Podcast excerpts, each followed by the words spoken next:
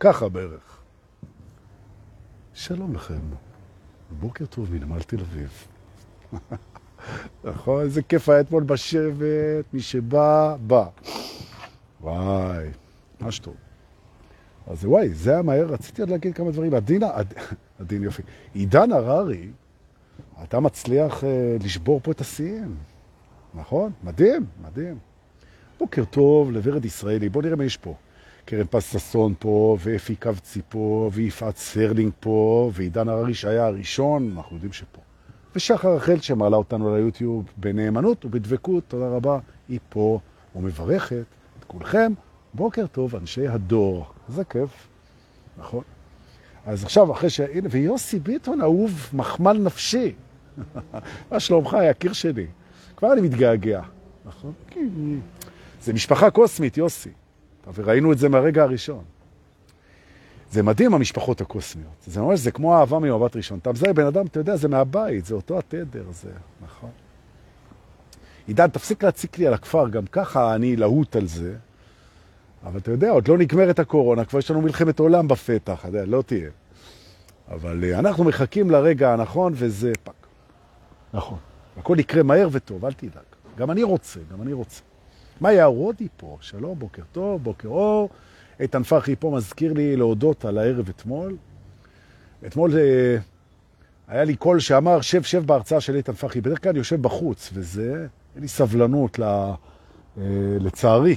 לשיעורים שלו, ואתמול הבנתי איזה טעות זה. ישבתי בשיעור שלו והיה מרתק. איתן, אתמול אתה הפצצת, וואי, וואי, וואי, זה היה מדהים.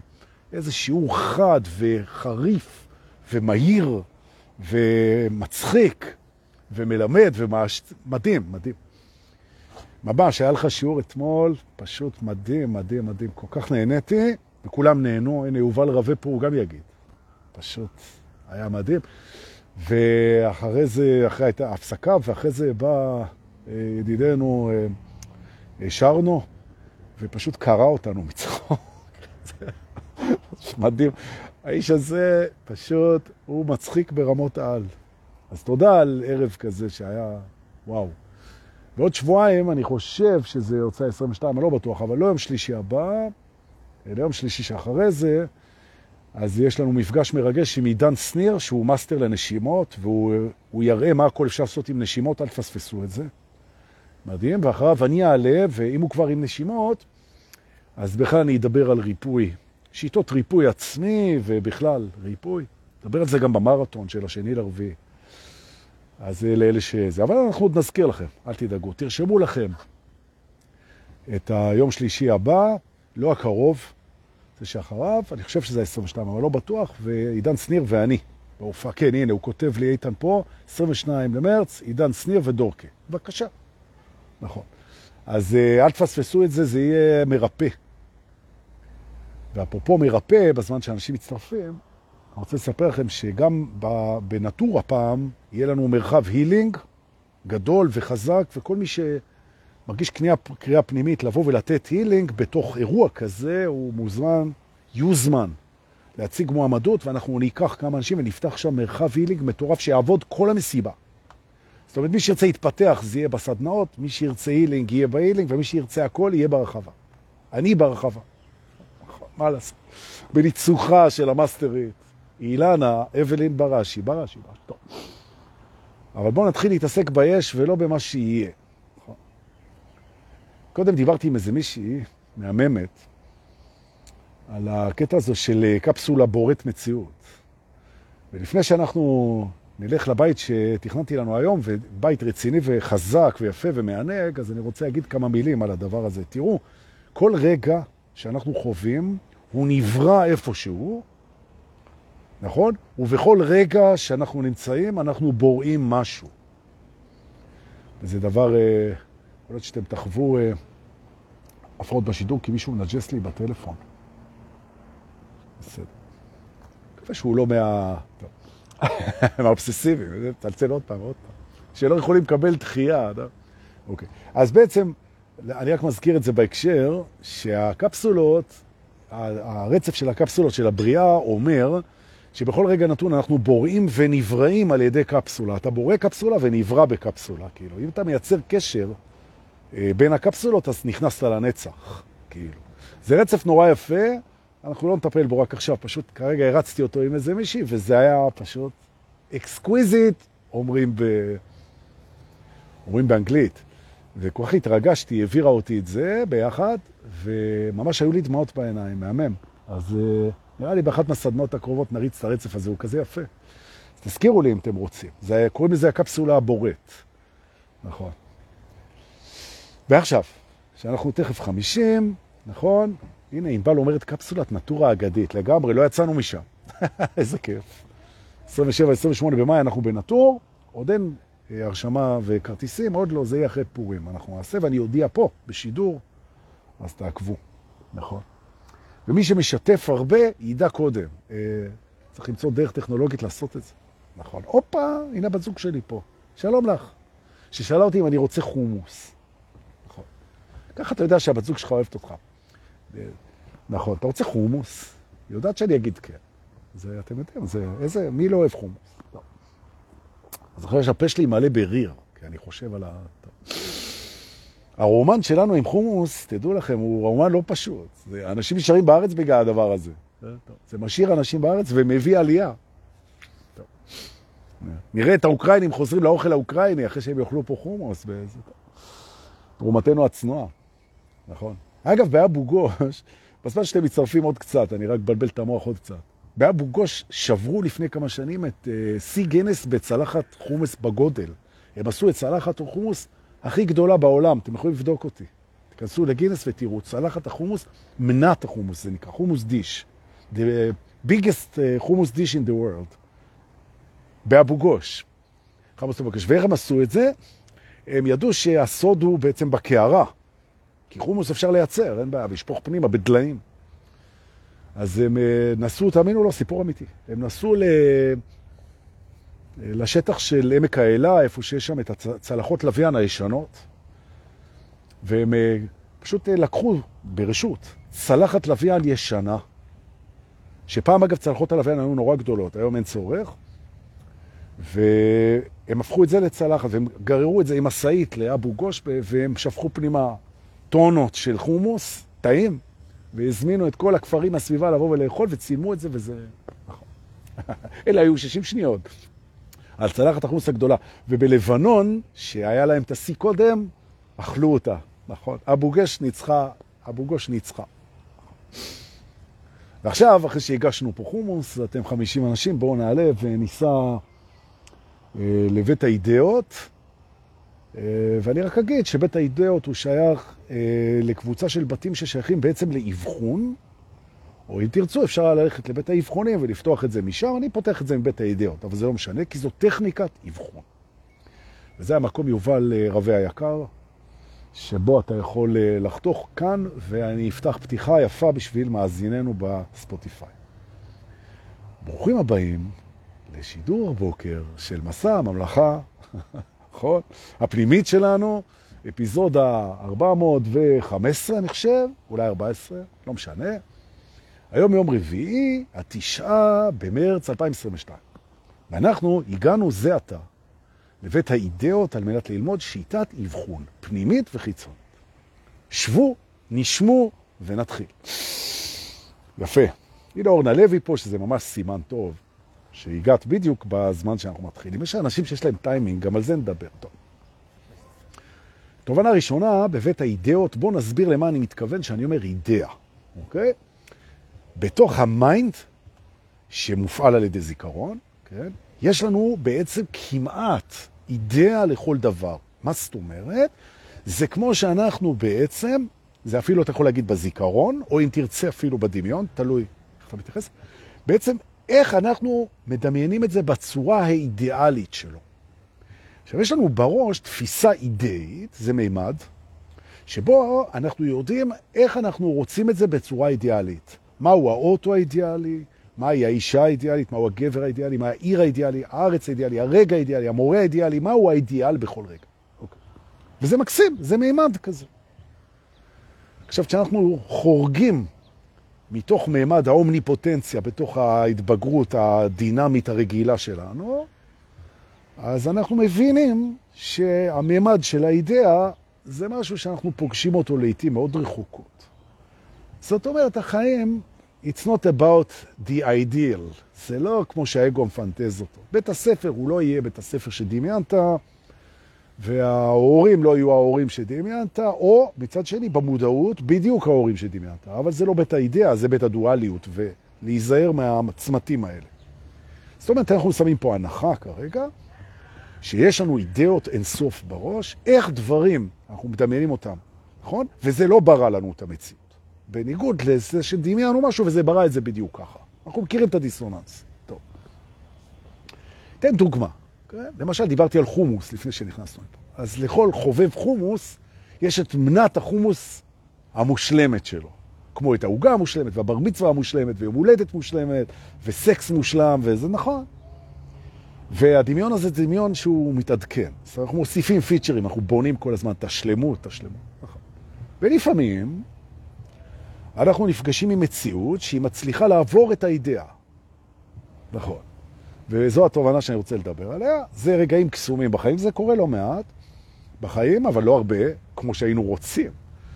ואז אתה נעמד מול המציאות, ואתה אומר, וואו, המציאות גברה על הדמיון. זאת אומרת, מה שאני חווה עכשיו, לא יכולתי לדמיין אותו באידאה. הוא ניצח את האידאה. ואלה רגעים אה, מאוד קסומים בחיים. מה שפעם חברת הצילום הידועה קודק, קודק הכניסה את זה לתוך הקמפיין שלהם ויקרא לזה קודק מומנטס. שכששאלו את האסטרטג שבנה את האסטרטגיה הגאונית הזאת, אז הוא אמר בדיוק את רצף האידאות. הוא אמר, המקומות שהם הכי וואו בחיים זה המקומות שבהם המציאות עברה את האידאה. נכון. עכשיו אתה יכול להגיד שזה נס, אתה יכול להגיד שזה אה, תכנון אלוהי, אתה יכול להגיד שזה נשגב, אתה יכול להגיד מה שאתה רוצה, אבל זה וואו, נכון? איזה יופי, נכון. שהמציאות גוברת על הדמיון. וזה מקסים וזה נחמד ואנחנו עפים על זה, ולפעמים אנחנו פוגשים דברים שאנחנו אומרים, יא, זה ניצח את ה-wildest dreams שלי, איזה יופי. אבל לא על זה באנו לדבר. זה נורא כיף לדבר על זה, אבל לא על זה באנו לדבר. נכון. עכשיו, באידאה שלכם אני אדבר על זה יותר. נכון? אבל זה, טוב, מה לעשות? בעצם, כשאנחנו פוגשים דברים, לרוב הם פחות מהאידאה, הם פחות מאידיאליים. האוטו שאתה נוסע בו, זה לא האוטו האידיאלי מבחינתך, ואם כן, אז אתה מבסוט ושמח והכל בסדר. עכשיו, פה המקום רגע לעצור את כל הרוחניקים המתחילים, אני, שאומרים, המציאות היא האידיאל, ככה לא נגענו. זה נכון, אבל זה קשור לרצף השמחה. וברצף השמחה אנחנו אומרים, אנחנו מכירים בזה שהרגע הזה הוא אידיאלי, ואנחנו בעצם עושים ריקורס, ונותנים לרגע הזה את התואר אידאה. נכון, אבל זה תהליך של ריקורס בהתעוררות, לא על זה אני מדבר. זו זו הצידה, זה לא זה. פה זה רצף אחר לגמרי, נכון? ושוב אני מתנצל, אם מישהו זה נשמע לו לא, לא נתפס מה שאני אומר, והזוי והכל, אז תכף זה יתייצב, אל תדאג. אז מהו רצף האידאות? רצף האידאות אומר שבעצם הראש משווה את המציאות אל האידאה של המציאות שהוא בעצם דמיין אה, או זוכר ויוצר השוואה. כן, ממש ככה. נגיד נסעתם לחופשה בפריז, כמו פנינה היקרה שהייתה אתמול. נכון? ודמיינתם איזושהי חופשה מסוימת, אידיאלית, ואחרי זה או שזה עבר את זה, או שזה היה כזה, או שזה היה פחות. עכשיו, יש דברים שזה עובר, יש דברים שזה מקביל, ויש דברים שזה פחות, ואני מדבר על הפחות. למשל, מקום העבודה שלך. רוב האנשים יגידו שמקום העבודה שלהם הוא לא מקום העבודה אידיאלי. הם מרוצים, הם אומרים תודה, הם מתפתחים, הם לומדים, הם מכירים בזה שזה מקסים, הם גם אפילו יודעים שזה אידיאלי בשבילם. אין בעיה באותו רגע. אבל הראש, הוא נותן לזה ציון פחות טוב מאשר לאידיאל, וכנ"ל כל הדברים. למשל סקס. אז יש את הסקס שאתה מדמיין, ויש את הסקס שאתה חווה, נכון? וכן הלאה, ככה הדברים. טוב. עכשיו, מהי שיטת האבחון, שאותה אני מלמד פה עכשיו? זו שיטה של מורים רוחניים, אני מלמד אותה כשיש לי כוח בקורס מדריכים, אנחנו גם נעבור את זה במרתון בשני לאפריל, שזה המקום להזכיר, שהוא יתחיל שמונה וחצי בבוקר במועדון השבט בתל אביב, בשני לאפריל זה שבת. והוא יהיה שיעור איתי של שש שעות עד הצהריים, ומשתיים בצהריים כל חברי הקבוצה מוזמנים לבוא ולרקוד איתנו עד הערב, ב-50 שקלים לכיסוי ההוצאות, לאלה שבאים לרקוד. ועדיין אפשר להירשם, יש עוד מקומות עדיין, ותדעו, זה יהיה מלא לגמרי המרתון. 12 שעות עם המדריכים של הקבוצה. וזה מיועד למי שזה, שהוא מרגיש את ה... שהוא בעניינים, כי זה יהיה ברמה מאוד גבוהה, כמו המרתון הקודם, ויהיו שם הנחות של, שאתה צריך רמה מסוימת של, של uh, היכרות עם עולם הרוח, והזדהות עם עולם הרוח, בשביל שתוכל לעלות על הרכבת הזאת. אז זה שיקולכם. ועכשיו, כשגמרנו לטפל בזה, בואו נסביר את האבחון. מה שיפה באידאות שלך, זה שכמו כל דבר שאתה רוצה, אתה יכול להקרין אותם. מה שנקרא ה-ideal projection. אתה מקרין את האידאות שלך. איך אתה מקרין אותם? אתה מקרין אותם בשיטה שבעצם אתה מתייחס להשוואה בין מה שאידיאלי בעיניך לבין מה שאתה חווה. עכשיו, ההשוואה הזאת זה השוואה שהאגו עושה כדי למקם את המצב שלו, כמה הוא שמח, כמה הוא מאושר, כמה הוא מבסוט. זה התוכנה שלו. איך אני אדע כמה אני מבסוט? אני אשווה את מה שאני רוצה למה שיש לי. אבל ברגע שאני עושה את ההשוואה הזאת, זה מקרין את האידאה. במקרה הזה, את האידאה של הרצון. אבל אם ניקח נגיד דוגמה, נגיד שאתם נמצאים, אני אעשה את זה ביחד איתכם עכשיו. נגיד שאתם נמצאים עכשיו בבית שלכם. ואתם אומרים, הנה הבית שלי, ואני אוהב אותו, ואני מעריך אותו, ואני בהודיה, והכל בסדר. אבל אם הייתי, נגיד, עכשיו קוסם, אז הייתי בורא את הבית האידיאלי. ותשימו לב שזה לא אותו הבית. עכשיו, ברגע שאתה אומר איפה זה לא אותו הבית, אתה עושה projection של האידאה. זאת אומרת, אתה אומר, הייתי למשל שם פה עכשיו גינה ענקית עם בריכה. אז אתה אומר, הנה, ראיתי את זה עכשיו. עכשיו אני רואה את הגינה שהייתי שם ואיזה צמחייה, וזה מקרין את זה. זאת אומרת, מנגנון ה projection של האידאה משמש את האגו כדי לגזור בעצם את ה... אם תרצו, את המיקום של איפה הוא נמצא על דרגת המבסוטיות, וזה לרוב לא מספיק. בעצם הוא מגיע לזה מאיזושהי תודעת חוסר, לא תמיד, אבל הוא אומר, הנה, אני יודע איזה באדי מבית הוא אידיאלי, ומה יש לי, אני יודע איזה מערכת יחסים אידיאלית, ומה יש לי, אני יודע מה מצב החשבון האידיאלי שלי, 200 מיליון דולר בבנק בזכות, ובלי אישה ששורפת את זה ביום אחד בקניון, ו... וזה, ואני יודע מה המצב שלי עכשיו, 30 אלף שקל במינוס, ונכון. נכון. אז פתאום אתה אומר, וואי, אני רואה שהמצב האידיאלי שזה 200 מיליון דולר ובריכה עם חצר, נכון? זה הקרנה של האידאה. עכשיו מתחיל האבחון. הרי יכולת לדמיין כל דבר. למה דמיינת דווקא את זה? לא כולם מדמיינים את זה. כשבן אדם אחד מדמיין את האוטו האידיאלי שלו, אחד מדמיין אה, אוטו גדול, אחד מדמיין אוטו ספורט, אחד מדמיין אה, איזה אופניים, אחד מדמיין... שאתה מדמיין בת זוג אידיאלית. אז אחד מדמיין טובת לב בצורה קיצונית, אחד מדמיין יפהפייה, אחד מדמיין... אה, לא משנה. זאת אומרת, בעצם האידאה היא סובייקטיבית, מתחיל האבחון. ואם אתה עושה מפה של האידאות, אז אתה מגלה אבחון סובייקט, שזה הרעיון, נכון? עכשיו, אנחנו הפסקנו לעשות את זה, כי בעצם הבנו שמה שיש זה הכי מדויק לנו, ולכן אין טעם להתעסק עם האידאות. זה נכון, זה בשביל השמחה. אז באמת בשביל להיות שמח ומאושר בחיים, אין לך מה להתעסק עם האידאות שלך, אלא עם ההווה. נכון, שמנו בצד. אבל בשביל להבחן, אתה יכול לחזור, לחזור יהודה. אה, יהודה היה אתמול. חתיך כזה חמוד. ישב לידי כל הערב, ונהנו ביחד מאיתן פרחי המדהים שנתן אתמול, אימא'לה. ממש, אני מרגיש כזה גאווה כזה, כאילו אני גידלתי אותו, לא משנה שאנחנו גדלים ביחד, כן? אבל יש לי איזו הרגשה כזה, האגו שלי אוהב לשים את הדלת הפחי ולהרגיש כאילו אני גידלתי אותו ותראו איזה יופי, כשלמעשה הוא גידל אותי באותה מידה, כן? אבל טוב. האגו, נכון. עכשיו, אתה אומר, המצב האידיאלי בעצם, המצב האידיאלי, אני שואל, למה דמיינתי אותו ככה? למה לא דמיינתי אותו אחרת? נכון. למה דמיינתי וילה ולא דמיינתי פנטהאוז? למה דמיינתי אישה בלונדינית ולא אישה ג'ינג'ית? למה דמיינתי חופשה במקום הררי עם אה, שבילים ולא דמיינתי אה, חוף ים קריבי? למה דמיינתי אה, שחייה במי בדולח ולא במים סגולים? הרי זה הדמיון. למה דמיינתי את זה ככה? נכון. אתם הכי יכולים לבדוק את זה אם אתם אוהבים לחטט קצת בתוך יונג, שהוא הפסיכולוג המועדף עליי, אז אתה יכול ללכת לפנטזיות מיניות ולבדוק למה פינטזת את זה ככה. למה הפנטזיות המיניות שלך הם כאלה? הרי אתה יכול לפנטז כל דבר. אתה יכול לפנטז שאתה עם המציל של בריכת גורדון, ואתה יכול לפנטז שאתה עם אברהם אבינו, אתה יכול לפנטז מה שאתה רוצה. נכון? עכשיו, אתה בודק את הפנטזיות שלך, ואתה אומר, למה לעזאזל פינטזתי את זה ככה? ואני שם לב, נגיד, סתם, אני זורק. אתה אומר, אני מריץ איזו פנטזיה מינית אה, מרגשת, ואני רואה שאני יודע, אני מפנטז על איזה מרצה חתיכה, איזה מורה חתיכה שלי באיזה מקום, וכאילו אנחנו הולכים לאיפשהו ועושים סקס. אז אומר, הנה הקרנת פה עכשיו רצון לשכב עם מורה שלך. למה? למה? ועכשיו, שיטת אבחון, אם הבנתם את החלק הראשון, היא בנויה על זה שהסיבה למה אתה מחלק אותה בגסות ליש ואין, לשפע וחוסר. האם דמיינת את זה כי זה חסר לך, אפשרות אחת, וכמובן שאפשר לי, אפשר לשחק עם זה לכל הכיוונים, כי אני סתם נותר, מפשיט את זה לדיכוטומיה כדי שתבינו את הטכניקה.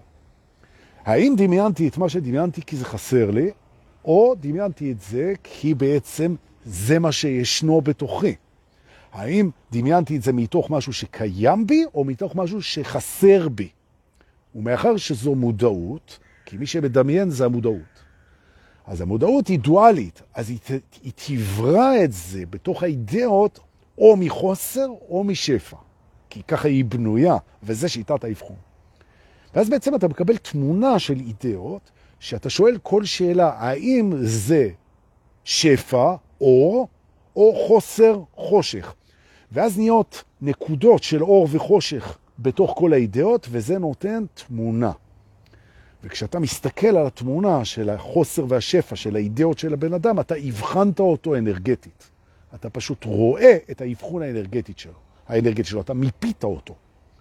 מי שלמד אצל נדר בוטו שטיפות אנרגטיות, הוא מכיר את זה שבעצם המיפוי הזה נמצא על הגוף.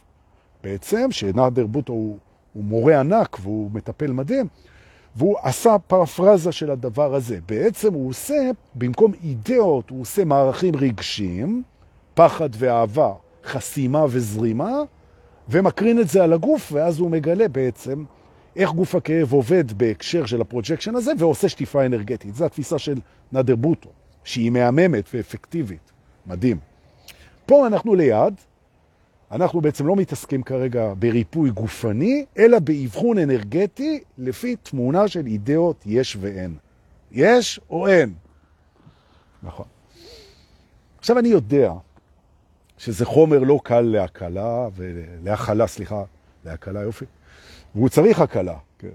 אז אני מתנצל על הקצב המהיר ועל זה, ו... אה, מקווה, תראו את זה עוד פעם, כאילו, בעניין הזה. ונורא כיף עכשיו לראות אה, איך מבחינתנו זה היה אידיאלי ללמוד את זה, ולראות איך זה קרה. תסתכלו על איך זה היה אידיאלי, תשאלו אם זה היה אידיאלי מתוקף זה שזה ישנו באידיאל, או שחסר האידיאל, ותמקמו אור וחושך, אור וחושך. הראש יודע לצרוב את הרזולוציה הזאת, ואתם מקבלים תמונה. נכון. עכשיו, חסר לנו רק בשביל לגמור את זה, התובנה האחרונה, אלגוריתם שיפענח את התמונה, וזה הדבר האחרון שאני אלמד פה עכשיו, בעצם, מאחר שזה הכל בדמיון, אז אנחנו מדמיינים את האלגוריתם האידאי, כמובן, כדי שזה יהיה באליינמנט עם האנרגיה. אז אני אומר, מהו האלגוריתם המפענח של התמונה שהוא אידיאלי מבחינתי? והתשובה היא מאוד פשוטה, שהוא יהיה ברור לגמרי. אז בעצם אתה אומר לראש, לראש תקשיב, אני מחפש שיהיה לי ברור לגמרי בפענוח התמונה. אם התמונה היא ברורה לגמרי, אז זה אידיאלי, אין בעיה. אם היא לא, אז גם אין בעיה, כי אני רואה שמה שרציתי, שהאידאה שלי תהיה ברורה לגמרי. עכשיו נשאלת השאלה, האם אני ברור לי לגמרי וזה הקרין את זה, או שאני לא ברור לי בנקודה הזאת וזה הקרין את זה. והנה חזרתי בעצם על ההסבר, ההסבר עוד פעם, כדי שזה יהיה ברור. ועכשיו זה ברור. נכון? זאת אומרת, אנחנו מקרינים את היש ואת האין בנגטיב ופוזיטיב כל הזמן, ובוחרים באגו איך להתייחס לזה. וזה הרעיון וזה האבחון, ואפשר לעשות את זה אחד לשני, ואפשר לעשות את זה לעצמנו, וזה משחק יפה עם הדמיון והאידאות, וזה הדבר הראשון שרציתי ללמד פה היום, ותודה שבאתם לבית הזה. בואו ננשום. אה... ועכשיו בואו נצא מפה. נכון, ובעצם אה, נלך לנו למרכבה, ואני רוצה שאנחנו עכשיו לא ניסע לשום בית, אלא פשוט נעלה על המרכבה ונעוף מעל הממלכה שלנו. ובעצם אנחנו לא ניסע עכשיו לבית, אלא פשוט נעוף בממלכה, ואני רוצה לדבר קצת בזמן שאנחנו עפים בתוך הממלכה שלנו. אני רוצה רגע לדבר על זה, על תעופה בתוך הממלכה. הממלכה שלנו היא חורגת מגבול המודעות. אנחנו עפים. תעופו מעל הממלכה שלכם ואל תיכנסו לשום בית ולשום רחוב, פשוט תעופו. בזמן שאתם עפים אני אדבר ברמקול של המטוס. גבירותיי ורבותיי, ישר אני נהיה רומני, גבירותיי ורבותיי, כזה, כזה, טוב. אבל אם, טוב, רגע. בעצם, הממלכה שלנו היא מורכבת הרבה יותר מאשר המודעות שלנו. אם אנחנו נטוס מספיק גבוה מעל הממלכה, נגלה שהגבולות של המודעות זה יחסית מקום מאוד קטן בתוך הממלכה. הממלכה היא ענקית. יש לזה מילה באנגלית, זה נקרא vast. היא ענקית, היא מסתרעת הרבה מעבר למודעות שלנו. נכון. כשאנחנו מבינים את זה, שבעצם הממלכה שלנו היא הרבה יותר גדולה מהמודעות שלנו, אז אנחנו מבינים בעצם שהזמן שיש לנו לחיות הוא קשור למודעות שלנו. נכון. ובעצם זה צריך להבין את הנקודה הזאת, שאנחנו נהיים מודעים לזה שיש יותר מהמודע, לא בקטע של תת מודע, אלא ברג, בקטע של אינסוף. עכשיו, החיכוך עם האינסוף הוא כל כך מזכיר לאנשים את המוות, סוף ואין סוף, שהם לא מוכנים ללמוד את מה שאני אנסה ללמד פה עכשיו, אז אתם תעברו איתי תכף את הצומת, שכשמדברים על אין סוף, מבחינת האגו זה מזכיר לו את הסוף, והוא הוא סוגר את הצ'אנל. הוא לא רוצה להתמודד עם הרעיון שיום אחד הוא לא ידע. נכון. עכשיו הוא אומר, אני לא רוצה להתעסק עם זה, זה מלחיץ אותי, זה מפחיד אותי, זה מכניס לי חרדה, אני רוצה, לא רוצה. אני לא רוצה ללכת למקום לא ידוע, אני לא רוצה. נכון, אבל אה, כשאנחנו מתעוררים, אז אה, האגו, הוא מתחיל להסכים ללכת למקומות לא ידועים, ואנחנו מתחילים איתו קודם כל דרך המחוז השכן, שבעצם זה המחוז של התת-מודע, מה שפרויד עשה, שאנחנו מבינים שהתת-מודע מנהל אותנו הרבה יותר מהמודע, והמודעות שלנו לתת-מודע, אני מתחיל את הרצף, המודעות שלנו לתת-מודע בורט את התת-מודע בתוך המודע, או במילים אחרות, הכנסנו לתוך המודעות את מה שלא מודע. פשוט אנחנו לא מודעים לו, אבל אנחנו יודעים שהוא קיים. זאת אומרת, זה ההישג של פרויד, זה הגביש שהוא הוריד, וזה מקסים. אנחנו מודעים לזה שיש דברים שאנחנו לא מודעים אליהם. לפני זה לא היינו מודעים לזה. עכשיו אנחנו מודעים לזה שיש דברים שאנחנו לא מודעים אליהם. מקסים. תובנה ראשונה. תובנה שנייה, אנחנו מודעים לזה שרוב הדברים אנחנו לא מודעים. גם לזה אנחנו מודעים. זאת אומרת, אנחנו מודעים לזה שהמודעות היא, מי... היא מיעוט. נכון, בתוכנו. חלק מאוד מאוד קטן. וזמני. נכון. עכשיו אנחנו הולכים לתובנה שלאגו יש בעיה עם זה, נכון? כדי לפגוש חלקים לא מודעים בתוכנו, אנחנו בוחרים בשינוי. עכשיו, האגו קורא לשינוי הזה מוות, אבל בעצם מה שמשתנה זה המפגש עם משהו שהוא לא מודע, זה לא מוות. זה לא מוות, נכון. עכשיו, האגו, מאחר שהוא לא מודע לזה, הוא מפחד מזה. זה שהוא מפחד מזה, זה טבעי. אבל, וזה שהוא לא רוצה להתעסק עם זה, זה טבעי. וזה שהוא ניסה להדחיק את זה, זה פחות טבעי. וזה שהיום אנחנו מבינים שאנחנו אינסופים, למעט המודעות שלנו שלא יודעת מה קורה כשהיא לא יודעת מה קורה. זה הכל. זאת אומרת, מי אנחנו? אנחנו יצורי אינסוף שלא יודעים מה קורה כשאנחנו לא יודעים מה קורה. זהו. ואז מבחינת התדר, בעצם אתה מתיישר מול הנצח, תודה רבה, מה שנקרא במגדל הפיקוח, קיבלת מסלול נחיתה, נכון? אתה קיבלת עכשיו, אתה יודע מסלול נחיתה, ואתה יכול לצאת מהממלכה המודעת שלך בעצם, ואתה לא תדע מעל מה אתה טס. אז אם אתם איתי עכשיו, אנחנו טסים מעל המקומות הלא מודעים שלנו, נכון? מאחר שאנחנו לא יכולים להיות מודעים לזה, זה לא מעניין אותנו בכלל. המודעות. נכון, זה לא מעניין. אז מה כן מעניין אותנו? אני אגיד לכם. מה שמעניין אותנו במקומות הלא מודעים, מעבר ל... שיש לנו סקרנות מודעת, מה שמעניין אותנו בעצם זה להסכים להיות במקום שאנחנו לא מודעים אליו ולחוות משהו שאנחנו לא יודעים מהו. עכשיו תבינו את הנקודה. חוויה של משהו לא מוכר, חדש, אחר, שונה, לא מודע, זה דבר שהאגו שמתעורר, הוא מתחיל להסכים לעשות את זה. זאת אומרת, אני מוכן לחוות משהו בלי לדעת מה זה. זאת אומרת, אני מגיע למצב ביניים, שבו אני חווה בלי לדעת מה. חווה בלי לדעת מה. שהכי קרוב לזה, זה אנחנו יכולים לבוא ולהגיד, זה איזה תדר. נכון? עכשיו, אנשים שנכנסים למסיבת טרנס פעם ראשונה, זה בדיוק זה. כאילו, הם חווים משהו, הם לא יודעים מה זה. לא יודעים, זה תדר, הם לא יודעים מה זה. אבל הם מרגישים את החוויה. עכשיו אומרים, אני לא יודע מה זה. עכשיו, אם תחשבו על זה, זה בדיוק כמו אהבה, וזה בדיוק כמו אלוהים. אתה מרגיש את זה, אבל אתה לא יודע מה זה. ואז אתה אומר, רגע, שנייה. אנחנו טסים, כן? אנחנו טסים מעל התת מודע. טסים. הוא אומר, רגע אחד. אם להרגיש אהבה, ואני לא יודע מה זה, ולהרגיש אין סוף, שזה מה שאנחנו טסים עכשיו, זה מרגיש נהדר, ואני לא יודע מה זה, ולהרגיש את איתן פרחי, ואני לא יודע מה זה, נכון? ולהרגיש את אלוהים, ואני לא יודע מה זה. כל זה הרגשה נורא נעימה. זה אומר שאני יכול לקבל עונג בלי לדעת מה מענג אותי. וזה דבר מדהים.